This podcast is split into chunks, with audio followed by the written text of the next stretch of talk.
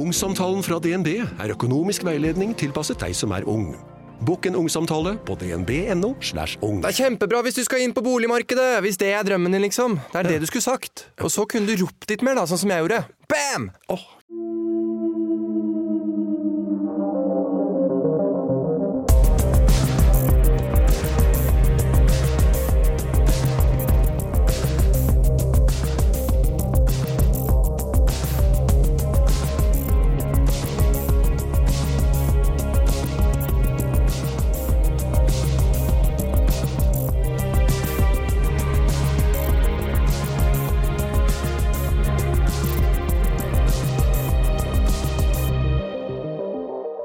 Jeg sitter jo her fortsatt i studio med to eh, blodferske vikarer, Gunnar Børretzen og Jonny Brenna som medprogramledere.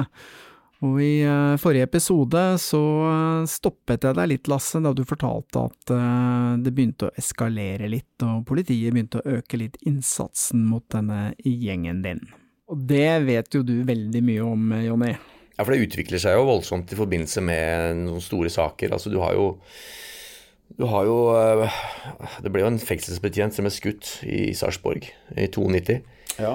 Og det påfølgende så var det jo et ran ut et eller annet sted som fortsatte ute i Nesodden-traktene i samme årstall. Mm. Så liksom det eskalerte voldsomt i den perioden der. Eh, og da ble det jo mer alvor. Ja, helt eh, uten tvil. Og det er faktisk en sånn eskalering som, som man faktisk 20 år etterpå må liksom bli påminnet om, sånn som det du sier nå. For det er, det er liksom ikke noe vi følte skjedde sjøl. Det, det bare blei sånn, liksom. Og det, det var selvfølgelig noen av oss som strakk strikken lenger enn andre. da, Sånn som f.eks. De, de to som var ute på Nes, Nesodden der, liksom. Eh, der har vi jo Der snakker vi jo i hvert fall om En av de snakker vi i hvert fall om har vært en sånn person som ikke har hatt noe Han har ikke hatt noen indre sperrer i det hele tatt noensinne, liksom. Og det Det har vi jo sett resultatet av. Han har vel sittet inne stort sett hele tiden siden han var 18 år. Nå er han nå 50. Ja. Men eh, var det noe tidspunkt du liksom sånn eh, Et tidspunkt hvor det sånn før, etter at der, der skjedde det. Der der hadde liksom trådt over en eller annen grense som var grensa. Paradigmeskifte. Altså før og etter. Når var det eventuelt? Nei, jeg veit ikke. For meg så var det bare oppoverbakke hele veien helt til jeg eh, Helt til jeg egentlig Kjæresten min ble gravid. Og mens hun var gravid, så ble jeg sikta for et pengetransportran. Enebakk? Ja. 98? ja. Og det var vel egentlig der det var vel egentlig der jeg fikk meg en sånn oppvekker som gjorde at eh, jeg skjønte at hvis vi ikke kaster inn håndkleet nå, liksom, så går dette helt til helvete, liksom. Så etter det så har jo, må jeg jo ærlig innrømme å si at det, det har ikke vært helt eh, det har ikke vært helt reint for meg etter det heller, men det har ikke vært noe sånne alvorlige greier. Jeg har liksom vært borti noen sånne småsaker. Men øh, jeg har vært eh, Jeg har gjort alt jeg kan for å være en borger etter 98, egentlig. Det har jeg. Men eh, fra det starta i 86 og til 98, så så var det egentlig full gass hele tida, og man så egentlig ikke sjøl konsekvensen av hvordan det utvikla seg, hvordan det blei, og, og, og hvor dårlig det gikk for enkelte. Det endte jo med at eh, en kompis av meg ble skutt og drept på Tveita da. Bønna. Han var ikke verdens hyggeligste kar, han, men for oss som var kameratene hans, så var det jo ganske uforståelig at han faktisk blei drept. Fordi vi så jo ikke på han som noe sånn bølle som, som han blei fremstilt som i retten mot han som skøyt den, f.eks. Og det var jo en alvorlig greie. Og, og ja, de rana også, som det blei tatt gisler og alt mulig, det var jo folk som hadde relasjoner til det miljøet som jeg kom fra, liksom. Så det, det blei alvorlig etter hvert, men vi så ikke det sjøl. Jeg så det i hvert fall ikke sjøl. Du hadde vel rolle som eh, sjåfør ofte, var ikke det? Som var rollen din du, hvis, det var, hvis det var en jobb som skulle gjøres?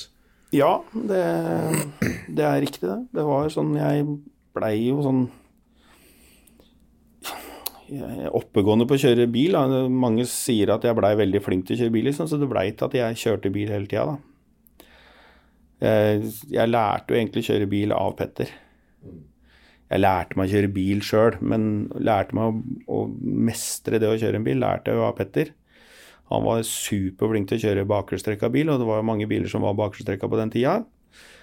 Og så begynte vi å kjøre firehjulstrekka biler om vinteren. Der var Petter helt ubrukelig, men det fikk jeg ganske fort eh, taket på, så det var jeg som lærte av han. Ja. så um, fikk vi lært litt av hverandre. Når vi snakker om bilkjøring, så var det jo en periode på 2000-tallet hvor dere importerte disse her eh, Mitsubishi Evolution òg. Det dere som kom med de? Ja, det var vel jeg som tok inn de 15-16 første som kom til Norge. Så det var spreke biler. det var morsomme kjøretøy. Nei, det stemmer det. Det var, eh, det var vel ikke jeg som tok inn de første, men eh, i hvert fall det var ikke sånn at eh, man enkelt fikk registrert de i Norge. Og jeg fant et smutthull i systemet hvor, hvor man fikk registrert de, da. Så jeg jeg klarte å få registrert et par sånne biler på sånn motorhistorisk eh, kjøretøygrunnlag, og ut ifra det så klarte jeg å få noen sånn samsvarssertifikater fra Mitsubishi som gjorde at jeg fikk registrert flere. Det tjente jeg jo ganske bra penger på. Ja, og hva er sånn grunn til at du valgte akkurat det? det, det Nei, det er bare sånn, det er bare sånn vi ramla borti. Vi var jo rallyinteresserte, da. En, en av de jeg hang veldig mye sammen med, har jo blitt veldig god til å kjøre rally. Jeg har ikke noe kontakt med han i det hele tatt i dag, men han er jo en av de ledende i Norge i rallykjøring i dag. Og gjennom rallymiljøet så De Mitsubishiene de blei jo primært brukt til rally. Det var jo en rallybil som, som, i enkelte land så fikk du skiltet på den så du kunne bruke på gata. Det var en reinspikka rallybil. Eh, og da var det selvfølgelig en bil som interesserte oss stort, da. Og jeg blei helt forelska i den bilen. Den, der var Ja. Det, vekker gode minner å prate om Mitsubishi. Derfor jeg spør deg. Men jeg, jeg, du nevnte dette med det var kanskje du som nevnte, dette med sjokkbrekk. Mm. Kan ikke du fortelle litt om eh, Jeg er sikker på at mange av lytterne også ikke jeg vet helt hva et sjokkbrekk er. Hvis du har en god historie, så setter vi pris på det. Nei, sånn jeg veit ikke hva man skal si. Da. Så, jeg, det jobba en politimann på politihuset i Oslo som het Sverre Olstad på den tida. Som var eh, Han var et ordentlig monster for oss.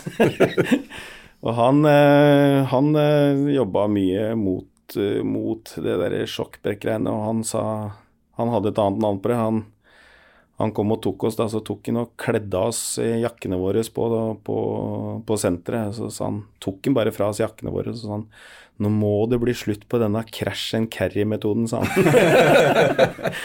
så nei, sjokkbrekk, det var jo sånn vi, vi kjørte rundt i i raske biler, da. Biler som var overlegne hva politiet kom med. Og så gjorde vi da kjappe innbrudd i butikker. Knuste ruta, løp inn og henta liksom ti dunjakker, kasta dem i bagasjen og kjørte av gårde. Sånn at vi var jo på veien før alarmen omtrent hadde begynt å gå. da.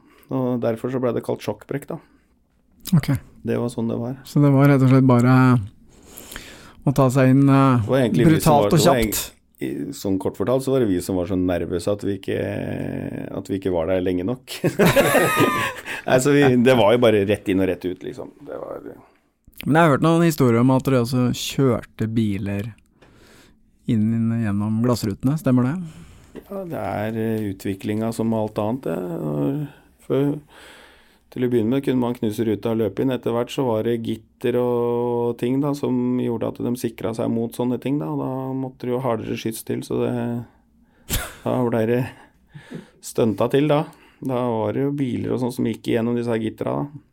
Jo, men hva Altså, jeg tenker Du sitter i bilen din, og så ser du sånn gitter, og så tenker du nå skal jeg bare kjøre igjennom det. Jeg hadde jo aldri gjort det. Nei, det, det, jeg kan også sitte her i dag og si det, det, det Jeg ser hva du mener. Jeg, bare på med hjelm det, blir sånn, Vi sitter her og snakker nå, mm. sitter her sammen med masse folk jeg ikke kjenner, og sitter og snakker om det. Det er sånn derre Man eh, Jeg kan sitte i dag, og så kan jeg tenke fy faen, hvor idioter vi har vært. Jeg kan sitte i dag og være flau over hvor mye jeg har gjort, men samtidig så det er jo en del av, av min fortid, liksom. Og, og, jeg har på mange måter gjort opp for meg for det gærne jeg har gjort, liksom. Og da mener jeg at uh, da er man på en måte ferdig med det. Men, men, sånn Den gangen så var det liksom bare sånn det, Nå har det blitt gitter på vinduet, liksom. Det var en hindring. Den hindringa må vi gjennom. Hvis ikke så får vi ikke tak i det stereoanlegget som står på innsida der, liksom. Og da hvordan får vi bort den hindringa så fort at ikke politiet rekker å komme og ta oss, liksom. Var, da var det jo bare å kjøre ned, da. Og hvis vi kjørte rundt i en superkul stjålet bil liksom, som vi ikke var interessert i at det skulle bli ødelagt, så rappa vi jo bare en drittbil da, som vi bare feide gjennom der med. Og lot den stå igjen der, da. Og så dro vi av gårde i den superbilen. det er faktisk sånn det var, da. Hvor mange dommer har du hatt, da? Sånn, husker du det? Jeg tror jeg er eh, domfelt en rundt ti ganger. Eh, men uh, litt ymse alvorlighet. Men jeg har tre relativt lange dommer for vinningskriminalitet. Da. Mm. Det har jeg. Så har jeg noen smådommer for uh, forskjellige hælerier og sånn. Ja, Så du er inne for vinningskriminalitet? Ja, jeg er bare dømt for det. Ikke dømt for noe vold eller narkotika eller noe sånt i det hele tatt. Mm. Jeg har vært inneblanda i et par saker hvor jeg har vært mistenkt for det, liksom, men det har jeg blitt sjekka ganske fort ut av, for det har jeg, sånt har jeg ikke drevet med. Mm. Aldri vært noe voldelig, aldri interessert meg for rus. Har liksom ikke vært i den gata der i det hele tatt. Og jeg syns jo rus og sånn er mye av det som har ødelagt det miljøet som jeg har vokst opp i. Jeg syns ikke det er så mye gode minner hvis man går enda fem år lenger frem i tid så syns jeg ikke det er så mye gode minner i det hele tatt. Da er det mer mer ondskap, mer, mer dritt, liksom. Mer, mer sånn ting som vanlig mann i gata heller ikke kan akseptere. Sånn det at folk gjør en sånn sjokkbrekk og sånn, det er ikke det at det blir akseptert, men det er litt mer sånn folk forstår at det er guttestreker, liksom. Men når, når det begynner å gå på sånn grov narkotika og grov vold og lemlestelse av folk og torpedovirksomhet sånn, Jeg har aldri hatt sansen for det. Jeg har aldri likt det. Men, men var, hvis du ser eh, på når du eh, starta og, mm. og fram til nå, så har det jo så har det endra seg, kriminalitetsbildet. Voldsomt. Hva, hva, slags tanker er det du har gjort deg rundt eh, det, hvis du bare tenker kjapt gjennom fra du begynte og til vi sitter her nå, egentlig? Nei, jeg, jeg føler jo at, eh, at, eh, at det er litt mer sånn som man kanskje opplever det når man ser på amerikanske gangsterfilmer og sånn, at det er kanskje litt eldre figurer i miljøet som på en måte styrer, styrer unge, unge folk, da. Sånn at det, kriminalitetsbildet blir mye mer alvorlig for de unge på et veldig mye tidligere tidspunkt enn det det blei for oss. Vi styrte liksom vår Vi hadde liksom ingen som, som liksom på en måte kommanderte eller bestemte over oss. eller Vi utvikla oss sjøl, vi, og var liksom bare en, en guttegjeng som på en måte hadde det dritkult sammen, liksom. Mens jeg føler at det er sånn som det er i dag, jeg tror liksom ikke jeg tror ikke noe på at folk liksom flyr rundt med skytevåpen i gatene i Oslo og skyter på hverandre og, og driver med tunge narkotikarelaterte lovbrudd og sånn, uten at det er andre som styrer skuta litt for dem. Litt eldre, litt mer erfarne folk, da. Det tror jeg ikke. Men, eh, men hvor tenker du brytningspunktet uh, her er, da? Sånn i, i, i, hvor er vi igjen da? Fra mellom uh, 86 og til i dag? Det, jeg, vet du hva, jeg tror egentlig det der man kan si liksom sånn, sånn, som jeg forklarte litt tidligere, at liksom når, eh, når Jonny og laget hans kom inn i bildet og, og, liksom satte en litt sånn kontant stopper for, for sånn type ting som vi drev med, så jeg tror egentlig eh, hele greia er sånn at det, eh, hver gang det kommer et, et, et motangrep fra den andre sida, så, så sitter man jo og på en måte finner kontrametoder der. Da. Så jeg tror det liksom bare blir jo bare sånn eskalering hele veien. og det er jo sånn det har vært mye debatter i Norge også om bevæpning av politi og alt sånt. Vi er vel kanskje en av de få landene i Europa som ikke har hatt så mye bevæpning av politi og sånn, da. Men hvis man ser på andre sida, vi har jo ikke så veldig mange land i Europa hvor det er mindre sånn våpenkriminalitet heller. Selv om det, det skjer her også, liksom.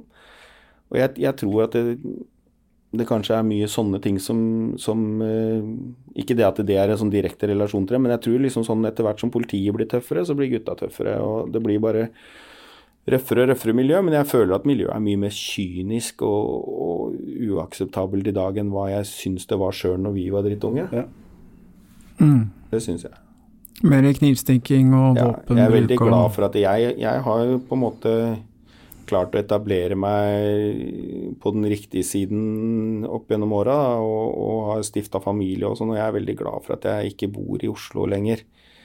Det er, det er ikke det at det ikke skjer ting ute på landet heller, men det er allikevel mer glissent miljø. Man klarer, i hvert fall jeg som har litt erfaring, jeg føler at jeg at jeg klarer å ta tak i hvis det er et eller annet som murrer i miljøet ute der hvor jeg bor. liksom. Jeg føler at jeg er mye mer våken enn andre foreldre på det, liksom. Og jeg, jeg, jeg føler at jeg har et veldig nært og godt forhold til barna mine, og veldig sånn reflektert forhold til dem. Og, og vi er liksom bestekompiser hele tida, liksom. Så Det er, men jeg tenker på, det er, det er jo, det er jo 16-17-18-åringer i dag også som er spenningssøkende og ute etter adrenalinkick og det ene med andre, men, øh, men kanskje de får utløp for det på andre måter nå? ja, eh, helt sikkert. jeg- litt, jeg og Jonny prata litt om det her forrige uke.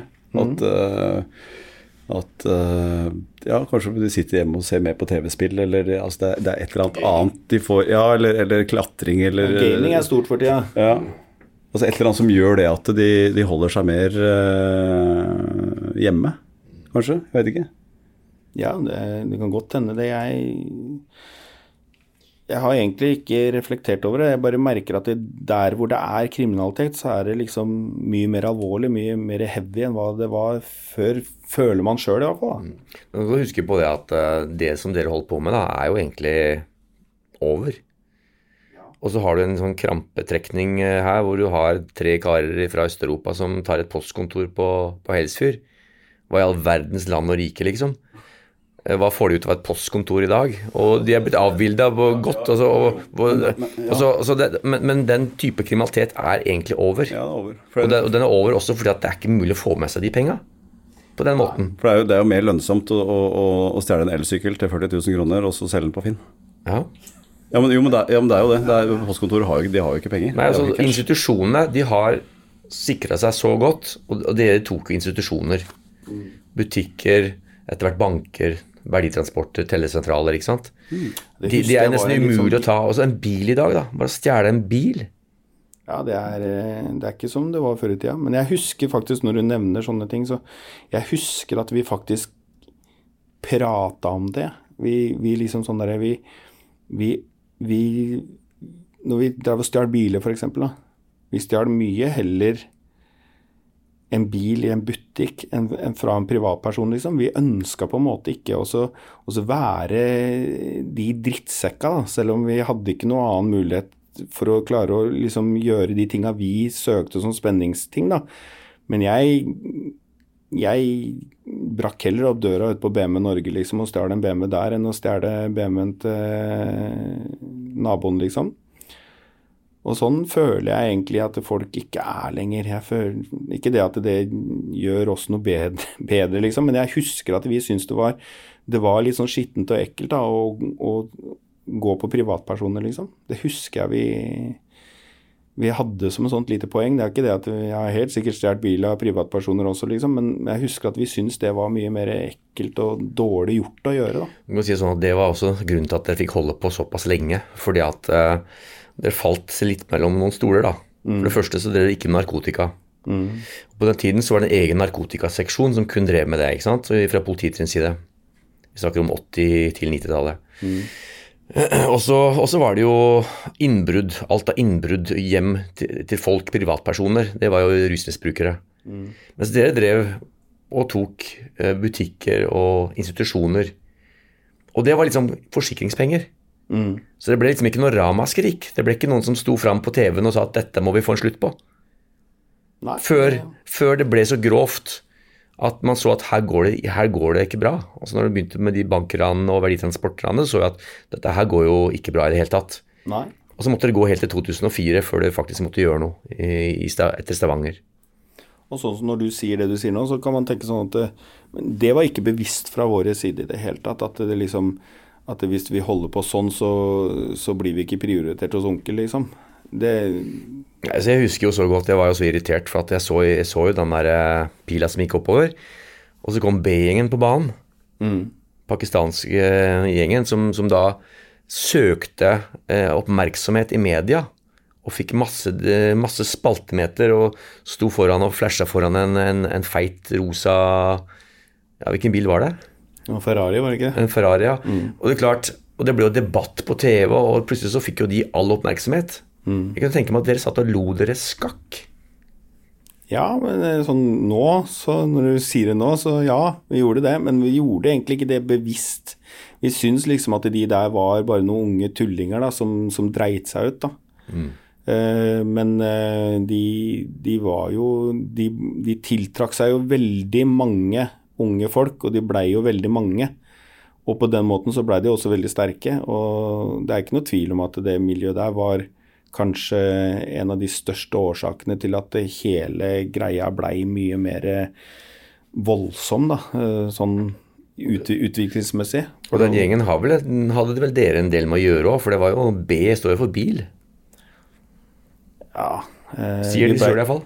Vi blei jo kjent Nei, det veit jeg ikke, det har jeg ikke hørt sjøl. Men, eh, men, vi blei jo kjent med en del av dem. Jeg blei kjent med et par av de gutta som jeg syns var jævlig ålreite gutter, men det var jo de var jo mye mer sånn at uh, man hele tida måtte tenke på hva man sa, hvis ikke så skulle, det, skulle man liksom statuere sånn æreseksempel på alt mulig. Da. Så vi blei jo aldri venner med dem, men vi kjente mange av dem, da. Det gjorde vi.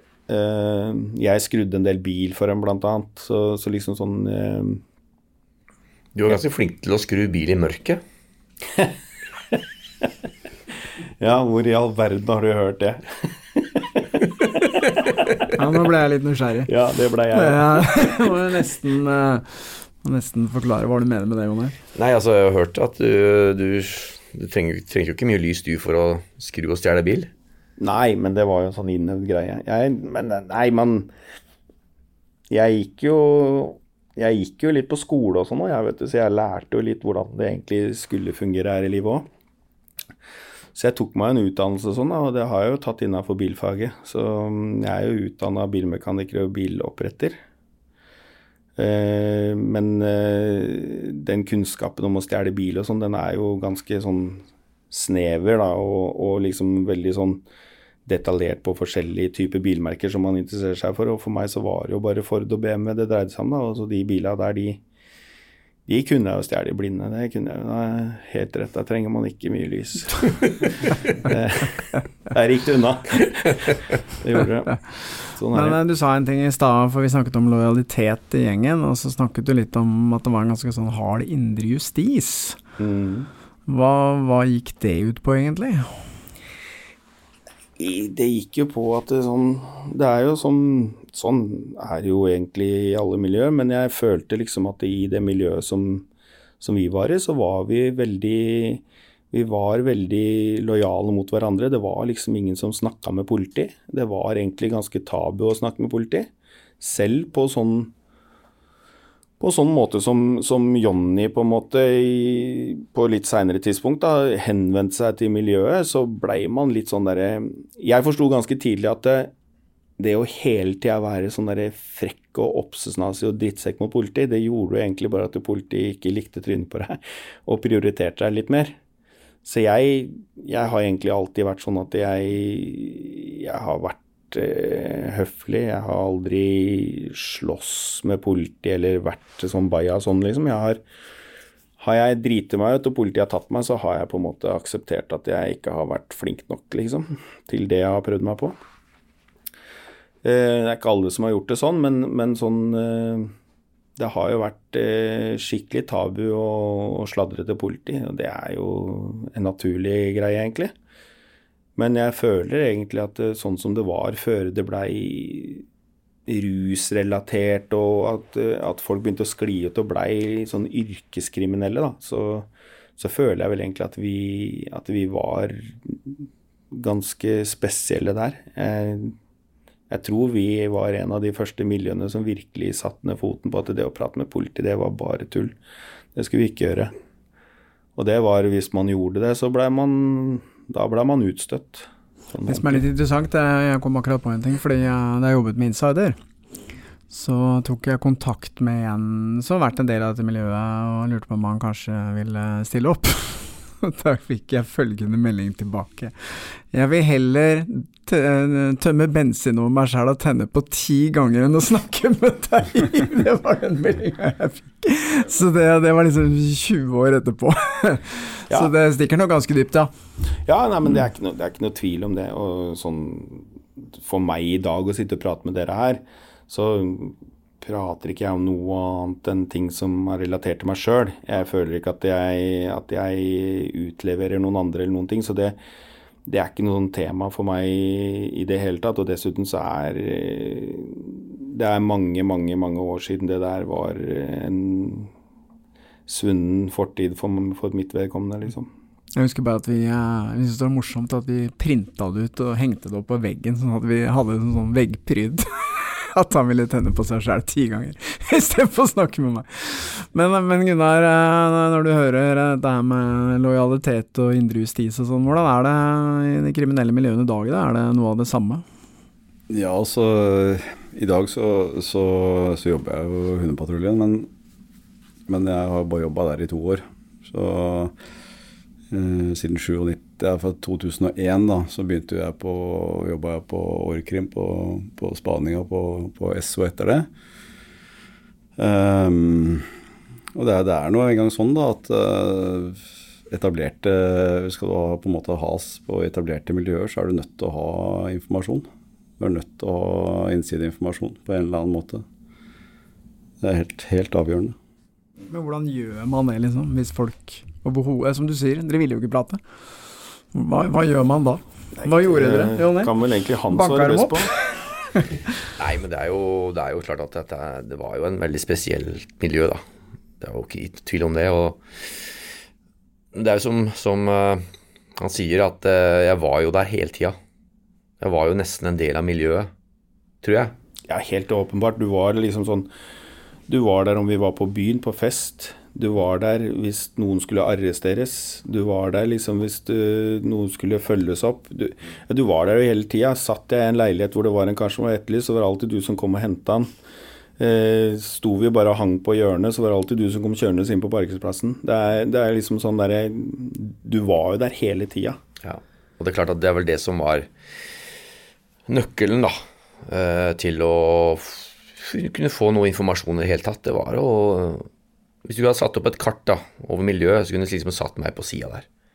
For jeg var en del av det. Jeg tror de og de, de regna med at jeg var en del av det, nesten. Som, som, de selvfølgelig ikke ville ha med. Men samtidig så, så var jeg nok en, en fyr å kunne ha greit å ha kontakt med òg, tror jeg. Du var liksom han der litt kjipe fyren som aldri ble invitert på fest, men kom allikevel? Kom likevel, ja. det gjorde den, da. Det skal jeg love deg. Det gjorde den, da. Nei, Nei men, det var jo men klart, det var jo det der På den tiden der så var det jo Man styrte jo dagen sjøl. Som politimann. Så, så, du var ute og jobba, og du kjørte runder, og du hadde noen prioriterte du skulle jobbe ut. Og så var det Jeg jobbet jo også på Esso og på personspaningen, og vi var jo premissleverandører på sak, hvilke saker vi skulle jobbe med. Så vi var jo ute som satellitter hele tiden og jobba i miljøer for å få informasjon, da, eller få saker. Så var det jo slik at det er ikke noen tvil om at det var 100 ganger lettere å få informasjon og få narksaker enn det her. Men jeg syns dette her var jo 100 ganger mer spennende og mye mer krevende, og det syns jeg var kjempegøy. For at dette er jo folk som jeg syns var egentlig ålreite folk. Mange av de syns jeg var kjempefine folk som gikk an å prate med.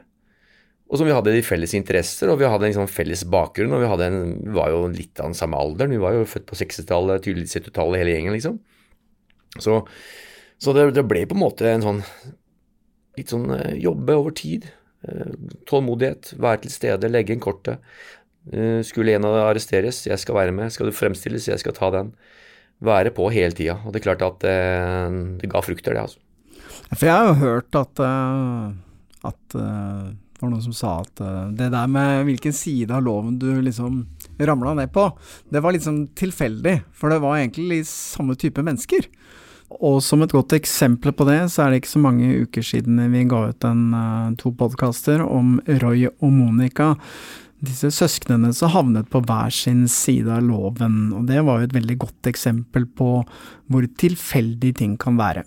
Ja, men det er jeg helt enig i. Jeg i forbindelse med en av soningene mine, altså pga. at jeg liksom har vært rusfri og sånn, så har jeg, har jeg liksom eh, flere ganger blitt, eh, blitt, spurt av kriminalomsorgen om jeg vil være med på forskjellige skoler og sånn, og, og prate med ungdom om sånn, og, om hvordan det er å, å, havne ute i kriminelle miljøer og sånn. Og jeg, jeg var eh, jeg var eh, Det begynner vel å bli Ja, det var vel rundt 1990, da. Så var jeg med en eh, førstebetjent i Oslo kretsfengsel som etter hvert Han blei vel egentlig direktør eller noe sånt i hele Østre fengselsdistrikt.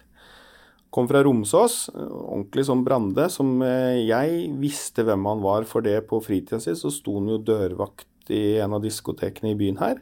Så han kjente jo liksom litt til hele miljøet, både fra jobben og, og sånn. Og han var med litt sånn rundt på skoler og sånn, og han sa jo det rett ut eh, når vi prata med ungdommene og sånn, så sa han jo det liksom at eh, Det er jo bare tilfeldigheter at han blei fengselsbetjent og jeg blei kriminell. For vi, vi kommer fra akkurat samme miljø. Det var bare det at vi, vi dro på forskjellig fest den ene gangen, liksom, som gjorde at det blei forskjellig. Det var, han sa at det er, det er bare tilfeldigheter at jeg står her i blå skjorte i dag, liksom. og det det er sånne ting man ikke tenker over i hele tatt før man får det slengt rett i trynet. Og det er jo egentlig ganske riktig, for jeg veit om flere folk som var barndomskompiser med han, som, som blei heroinister, liksom. Så, så det, er, det er veldig sånn i ungdomsåra, så mange liksom skylder på dårlig oppvekst og dårlige familieforhold og og kommer fra familier med dårlige ressurser og alt sånt, men jeg tror, og det kan jeg iallfall si med sikkerhet for mitt eget vedkommende, jeg kommer ikke fra noe, fra noe fantastisk hjem, men jeg føler at der det sklei ut, det var rett og slett hvem jeg blei kjent med, hvem jeg blei kompiser med på fritidsklubben, liksom. Mm. Og mer der det, der det var. Og det tror jeg, selv om jeg hadde bodd hjemme hos mamma og pappa, så tror jeg ikke de hadde klart å å ta tak i det før jeg hadde vært så langt ute på den banen der at gikk, de hadde ikke klart å snu meg på det. Liksom, det tror jeg ikke. Men for deg, så Du sa jo at det endte i mer eller mindre i 98. Det var, eh, etter det så var det ikke så mye. Men uh, kan du fortelle om, uh, om akkurat den hendelsen? Den siste store hendelsen? Nei, siste store hendelsen, det var vel Det tipper tipper jeg, uten at jeg vet eh, med sikkerhet hva som skjedde der, så tipper jeg at det var laget til Jonny som jobba hardt med miljøet rundt akkurat der. Og da blei jeg sikta for et pengetransportran som skjedde i Enebakk i 98. Kan du fortelle om det ranet? Jeg kjenner jeg er så sykt nysgjerrig. Nei, det kan jeg ikke, men, eh, men eh, ja, Dette her blir litt spesielt å si her, for dette her har jeg egentlig aldri sagt til noen. Men eh, jeg var involvert i tyveriet av bilen som ble brukt på det ranet. Okay. Eh, og det tror jeg vel at det var en kompis av meg som skjønte. Eh, som eh, som sikkert havna i problemer med noe greier, og som fortalte det til politiet. Så i hvert fall, Jeg vet jo at han kom med en eller annen røverhistorie der som gjorde at eh, jeg blei arrestert for det greiene der. Jeg tror politiet tenkte at nå skal vi kjøre meg så hardt at jeg avslører hvem som gjorde det der. Eh, men eh, det endte heldigvis med at det gikk bra. Ja. Det gjorde det. Det, men eh, det var eh, Det var en, en, tung stund for meg, det. Og det var en veldig oppvekker. Og det var eh, Ja, det var et vendepunkt for meg, det er ikke noe tvil om. Det var det. Men, hva, men hva, hva, gjorde du da, holdt jeg på å si, altså, som et vendepunkt? Du, du, har vært, det var miljøet du har vært i mange, mange år. og, og Og, og, så på en måte brøyt du ut, eller sa du fra til de andre at nå orker jeg ikke mer, eller flytta du vekk og ble borte? Nei, det var liksom, mer sånn at hver gang jeg fikk tilbud om å være sjåfør på en ting, eller, eller være med på noe, så passa det vel egentlig stort sett alltid dårlig. Tar, tar det neste gang vi er ute. Um, og egentlig sånn, var egentlig litt for feig til å si at jeg har rett og slett ikke baller til å være med på dette lenger, liksom. Det var egentlig mest det. Men det viktigste, det var egentlig ikke det. Det viktigste var at jeg, jeg fikk et barn. Og jeg, jeg husker at jeg satt, i, jeg satt i varetekt når det barnet ble født. Jeg fikk lov å være med på fødselen. Og når det barnet ble født, og liksom Jeg fikk være med å fikk være med å kle på det barnet første gang og bade barnet og sånn, da. Og så fikk jeg lov å sitte der en halvtime, og så måtte jeg liksom bli kjørt tilbake til fengselet, liksom. Da Det var en sånn pille som hadde så sur bismak at det, da bestemte jeg meg egentlig, selv om jeg ikke hadde jeg hadde kanskje ikke ballene til å si det rett ut, men jeg bestemte meg egentlig at dette her, det kan ikke fortsette, liksom. Ungen min skal ikke ha mulighet til å vokse opp i, i det miljøet her, liksom. Det bestemte jeg meg. Jeg husker at jeg satt Jeg husker jeg satt, jeg satt vel 20 uker på brev besøksforbud i forbindelse med den saken der, og den eneste jeg fikk lov til å få besøk av, det var det barnet. Så da kom liksom kjæresten min og leverte barnet i fengsel, så fikk jeg lov å sitte en time på besøksrommet med et lite spedbarn liksom, som, som, var totalt avhengig av mamma. Så, som bare satt og gråt i armene på meg en time der, liksom. Men jeg, jeg husker jeg satt og prata til det barnet der, da. Til jenta mi, liksom, og så sa, sa liksom at eh, jeg skulle ikke i fengsel noe mer, liksom. Så det, det var egentlig vendepunktet for meg, men eh, ut av det miljøet, så ja, Hvis noen hører på dette seinere, som jeg kjenner, så vil nok det komme som en litt overraskelse for dem. For jeg har aldri, aldri sagt det sånn. Jeg har alltid bare liksom, Hvis jeg har blitt tilbudt å være med på ting som kanskje har vært litt tøffere enn jeg syns jeg har hatt baller til, så jeg nei, passer litt dårlig, og jeg kan ikke noe, har vondt i ryggen og forskjellige sånne ting. Så man prøver å være litt tøffere enn man er av og til. Mm. Men i ettertid så har jeg fått mange flere barn, og man kan finne uh, gleder andre steder enn enn der hvor vi søkte spenning og glede. Ja, hvis du fikk sjansen nå til å snakke til uh, 16-17-18-åringer som syns det er veldig spennende og Ja, det er ganske enkelt å svare på. Ja, det er ganske enkelt å svare på. For det som er saken at jeg ser nå som jeg har eh, barn sjøl, som er helt ifra tenåra og til midten av 20-åra, så ser jeg liksom sånn Det er så mange ting som du som voksen har erfaring på, og som det bare er så jævlig vanskelig å formidle til en tenåring, for han vil bare absolutt ikke høre på deg, for han vil på død og liv finne ut av den dritten her sjæl. Så, så liksom sånn derre eh, men, eh, men liksom sånn derre Som jeg prøver å si til mine egne barn, da, så prøver jeg å si sånn at det, liksom sånn derre Hør her, liksom. Det er ikke for å stramme deg opp eller, eller eh, prøve å fortelle deg hva du skal gjøre og ikke gjøre, liksom. Men det har liksom med å gjøre at det, hvis du tenker over så liksom Pappa har vært borti dette her før. Jeg sier ikke dette her fordi at eh, du ikke får lov til å gjøre det du får ikke lov til å gjøre det. Jeg sier det fordi at eh, jeg har opplevd det og har innsett hvor feil det er, og hva slags konsekvenser det får. Eh, og helt ærlig, jeg veit ikke om det har virka. Jeg veit ikke om det er rette måten å ta det på, men jeg, jeg føler iallfall at mine barn har forstått ting mye bedre. De har, de har eh, prøvd seg på et par ting, det også, selv om det ikke har vært sånn kjeltringsmessig ting. Men, men ting som de har gått stikk imot av hva vi har sagt. Og så har de kommet tilbake noen måneder seinere og sagt at eh, fy faen, pappa, du hadde rett, liksom. Jeg skulle hørt på deg, liksom. Så jeg prøver egentlig å være mer kompis enn pappa, egentlig. Og det, det har fungert veldig bra hjemme hos meg, i hvert fall. Men sånn til ungdommer der ute som kanskje sitter og hører på dette her, så kan ta, ta tilbake til det der som jeg sa litt tidligere, hvor vi var rundt på skoler og prata med ungdommer og sånn om fra, Det var noen sånne greier som heter 'Fra bagatell til helvete'. Som, eh, som er i samarbeid med kriminalomsorgen og, og politiet, da. Så sitter man egentlig der og prater til sjetteklassinger som egentlig syns at du sitter der og er drittøff. Så du blir på en måte, du blir på en måte egentlig et forbilde. Istedenfor at du, du blir liksom et resultat at uh, sånn vil ikke jeg bli, liksom.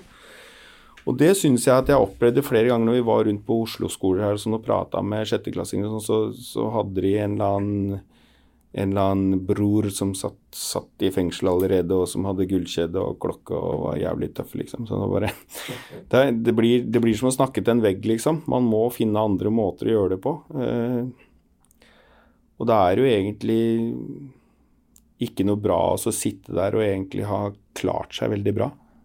For da Nei. blir det liksom ikke noe farlig. Mm.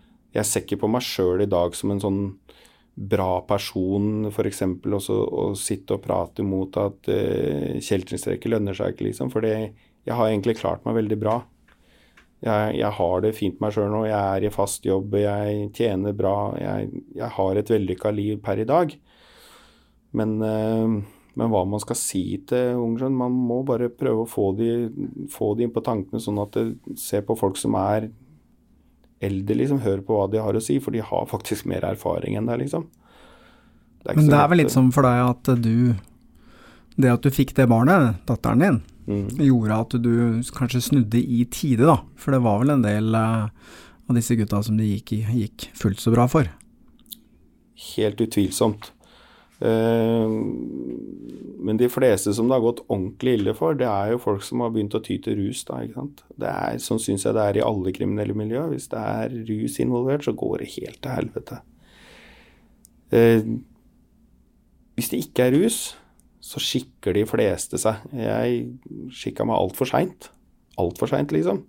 De fleste, hvis de kommer seg over eh, over 20, par og 20, liksom, så, så etablerer de seg, får seg kjerring, får seg en jobb, får et fagbrev. Kommer man i gang, liksom. For meg så Jeg var jo 30, liksom, før, før, det liksom gikk opp et lys for meg. Så egentlig så var jeg vel bare ung og dum. Du tenker på, du snakker om skyggesiden av, av kriminalitet, da. Ja. Men jeg, jeg, kan jo tenke meg det at uh, når du sitter på gamlehjemmet Da har vi nok mange hyggelige historier. når du sitter på gamlehjemmet ja det tenker, gamlehjemmet, det tror jeg du vil være på, Jonny. Når vi sitter på gamlehjemmet, så, vi, så kan vi sitte og, og mimre og smile. Mm. For du har jo opplevd ting som ingen andre har opplevd. Og jeg tipper du har hendelser, episoder, hvor du sitter bare og tenker, og så smiler du òg. Fra den tida. Helt utvilsomt. Helt utvilsomt. Det er, sånn, det er som jeg sa innledningsvis uh, før vi, før vi satte i gang poden her, så er det snakk om at jeg er ikke stolt av fortiden min. Det er jeg ikke. Det kan jeg med hånda på hjertet si. Det er jeg ikke. Det er faktisk veldig mye som jeg ikke er stolt av i det hele tatt. Men man kan ikke legge skjul på at man har hatt en fortid. Man har opplevd ting som jeg tror, ja, det er moro. Mange, ja, jeg tror mange andre som ikke har opplevd det. Jeg har fått en livserfaring som, som for meg har vært godt på mange måter òg, Man høster erfaring uansett hvilket miljø man er i. Og det er klart at jeg, jeg veit ikke om jeg ville valgt noe annet hvis det hadde begynt igjen. Selv om jeg ser i dag at det, veldig mye av den dritten vi gjorde, det skulle jo for faen ikke gjort, liksom. Sånn er det jo. Men, eh, men man tenker ikke sånn når man er ung, liksom. Det er bare om å gjøre å være tøffest i gjengen, det er om å gjøre å være kulest, og det er om å gjøre å ikke si nei til noe, andre, noe som andre folk foreslår. Og så følger man bare strømmen. Og så blir det bare man, det, blir, det blir som en sånn der samvittighetsgreie. Jeg fikk en sånn god forklaring på det en gang, som han fengselsbetjenten som jeg prata om tidligere, forklarte. Han sa liksom sånn at det, hvis man tenker en firkanta kloss med en sånn trekant inni, så man går rundt og rumler på den, så de spisse kantene, det er samvittigheten din, liksom. Etter hvert da, så blir de spisse kantene helt runde, og så kjenner hun ikke lenger i hele tatt, liksom. Og det er litt, det er litt sånn, det litt sånn det, Man følger bare strømmen, og det blir bare Første gang er alltid verst. Ja. Det blir bare døvere og døvere, liksom. Ja. så, så, men, eh, men jeg, er, jeg er veldig lykkelig over at jeg har kommet dit jeg har kommet i dag. Det er jeg. Og eh, jeg er veldig glad at jeg aldri begynte med rus, for det, det, jeg ser at alle de jeg hang sammen med som begynte med rus, det har gått helt til helvete. Men helt til slutt, vi har jo holdt på Vi kunne sitte her uh, hele natta, det er jeg helt sikker på. Men, uh, men uh, dere var på et eller annet tidspunkt uh, bitre fiender. Ja. Når var det det snudde? Nei, hva skal jeg si? eh, Jeg har alltid vært reflektert sånn Jonny var en politimann. Han var fienden. Men Jonny som person har jeg aldri hatt noe mot. Og sånn kan jeg med hånda på hjertet si at jeg, jeg har ingen politifolk som jeg liksom sånn der Å, fy faen, han idioten der skulle slått den flat, liksom. Det er, det er, jeg har aldri hatt et sånt forhold til politi. Eh, men Jonny, han har jo vært sånn derre Han har jo vært en person som har vært eh, Han har jo vist at han har hatt mye av samme interesser. Han driver liksom med kampsport, er interessert i trening eller liksom sånn. altså jeg veit ikke når det egentlig snudde, jeg, men sånn, han slutta jo politiet etter hvert. da, og, og, da blei det jo litt mer eh, Litt mer sånn at man, man eh, ja, Hva skal jeg si sånn der, Selv etter at han slutta politiet, så var egentlig Jonny sånn på folkemunne, så var han dusten, men jeg følte at det, liksom, han hadde opparbeida seg så mange bekjentskaper i, i, form av politijobben sin at det, han, han småprata litt med folk både her og der. og og sånn. Og, og, jeg møtte vel egentlig deg for noen år siden i et bursdagslag. Og da hadde du tatt deg et par øl også, så da var du ordentlig blid og glad. Så da, da, så da, da, da satt vi og prata litt, husker jeg. Stemmer det. Og da var det jo også flere andre mennesker som var tilknytta det miljøet. og da, da prata Jonny om at vi må sette oss ned en dag og så prate ut om alt som skjedde, og kanskje få det ned på papir og, og se hva man kan gjøre ut av det, liksom. Og det, det har vært interessant, men for meg så har det ikke vært Jeg har ikke turt å ta det skrittet, rett og slett pga. at jeg har vært redd for at det skal gå utover barna mine og sånn. da, ikke sant? Men nå begynner de å bli såpass store, så nå får de tåle det. Men Visste du at Jonny skulle den bursdagen? Nei, det hadde jeg ikke peiling Ja, på. men når du kom inn der sånn, og så, så, ser, du, og så ser du han, hva tenker du for noe da? Nei, faktisk, når jeg, når jeg så han der da, så det var, eh, det var faktisk i bursdagsselskapet til, eh, til en person som jeg har kjent den siden jeg var eh, veldig ung sjøl, men, men, han kommer egentlig fra miljøet rundt vennekretsen til kona mi. Men det var totalt overraskende at dere kjente hverandre. Så så jeg, jeg, gikk litt rundt på det bursdagslaget og skula litt, skula litt på i et par timer der, skjønner du. Men uh, han, så fort han så meg, så nikka jo han til meg og spurte åssen går det, går det bra, liksom. Jeg hadde jo ikke sett deg på mange år. Uh, og så blei det jo liksom, satt vi oss ned ved siden av hverandre ved baren der da, og, og skravla litt. Og så kom det en annen kar og så prøvde å være litt kjekkas der, og så satte han seg ned og begynte å prate. Så til slutt så satt vi en tre-fire stykker der og prata.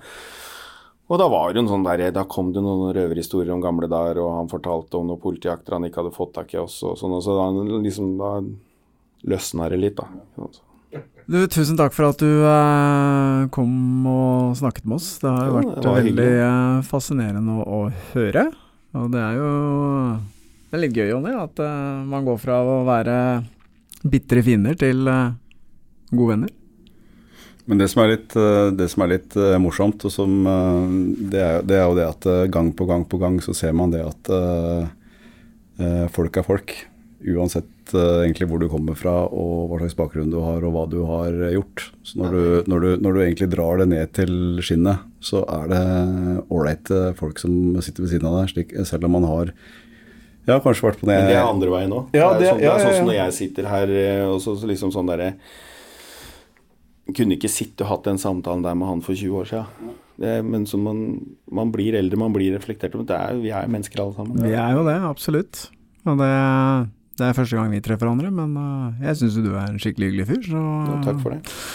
Så uh, dere har helt rett i det, Gunnar. Jeg er helt sikker på at hvis vi begynner å dra fram noen historier fra gamle dager, selv om det ikke var lovbrudd, så uh, er mye jeg ikke er stolt av i dag. Men jeg kan sitte og le av det for det. Ja, det var alt for i dag da, gutter. Og jeg må jo si at dere har gjort en strålende jobb som uh, vikarer, og dere er hjertelig velkomne tilbake uh, hvis vi trenger uh, vikarer en gang til. Gitt at dere ikke da er redde for noen fysiske utfordringer. Avhørt er produsert av Batong Media. Redaksjonen består av Stein Morten Lier, Helge Molvær og Lars Christian Nygårdstrand. Temamusikken vår er laget av Altered States, og du finner oss på Facebook som Batong Media. Hør eksklusive episoder av Avhørt på Podme. Gå inn på podme.com eller last ned appen Podme.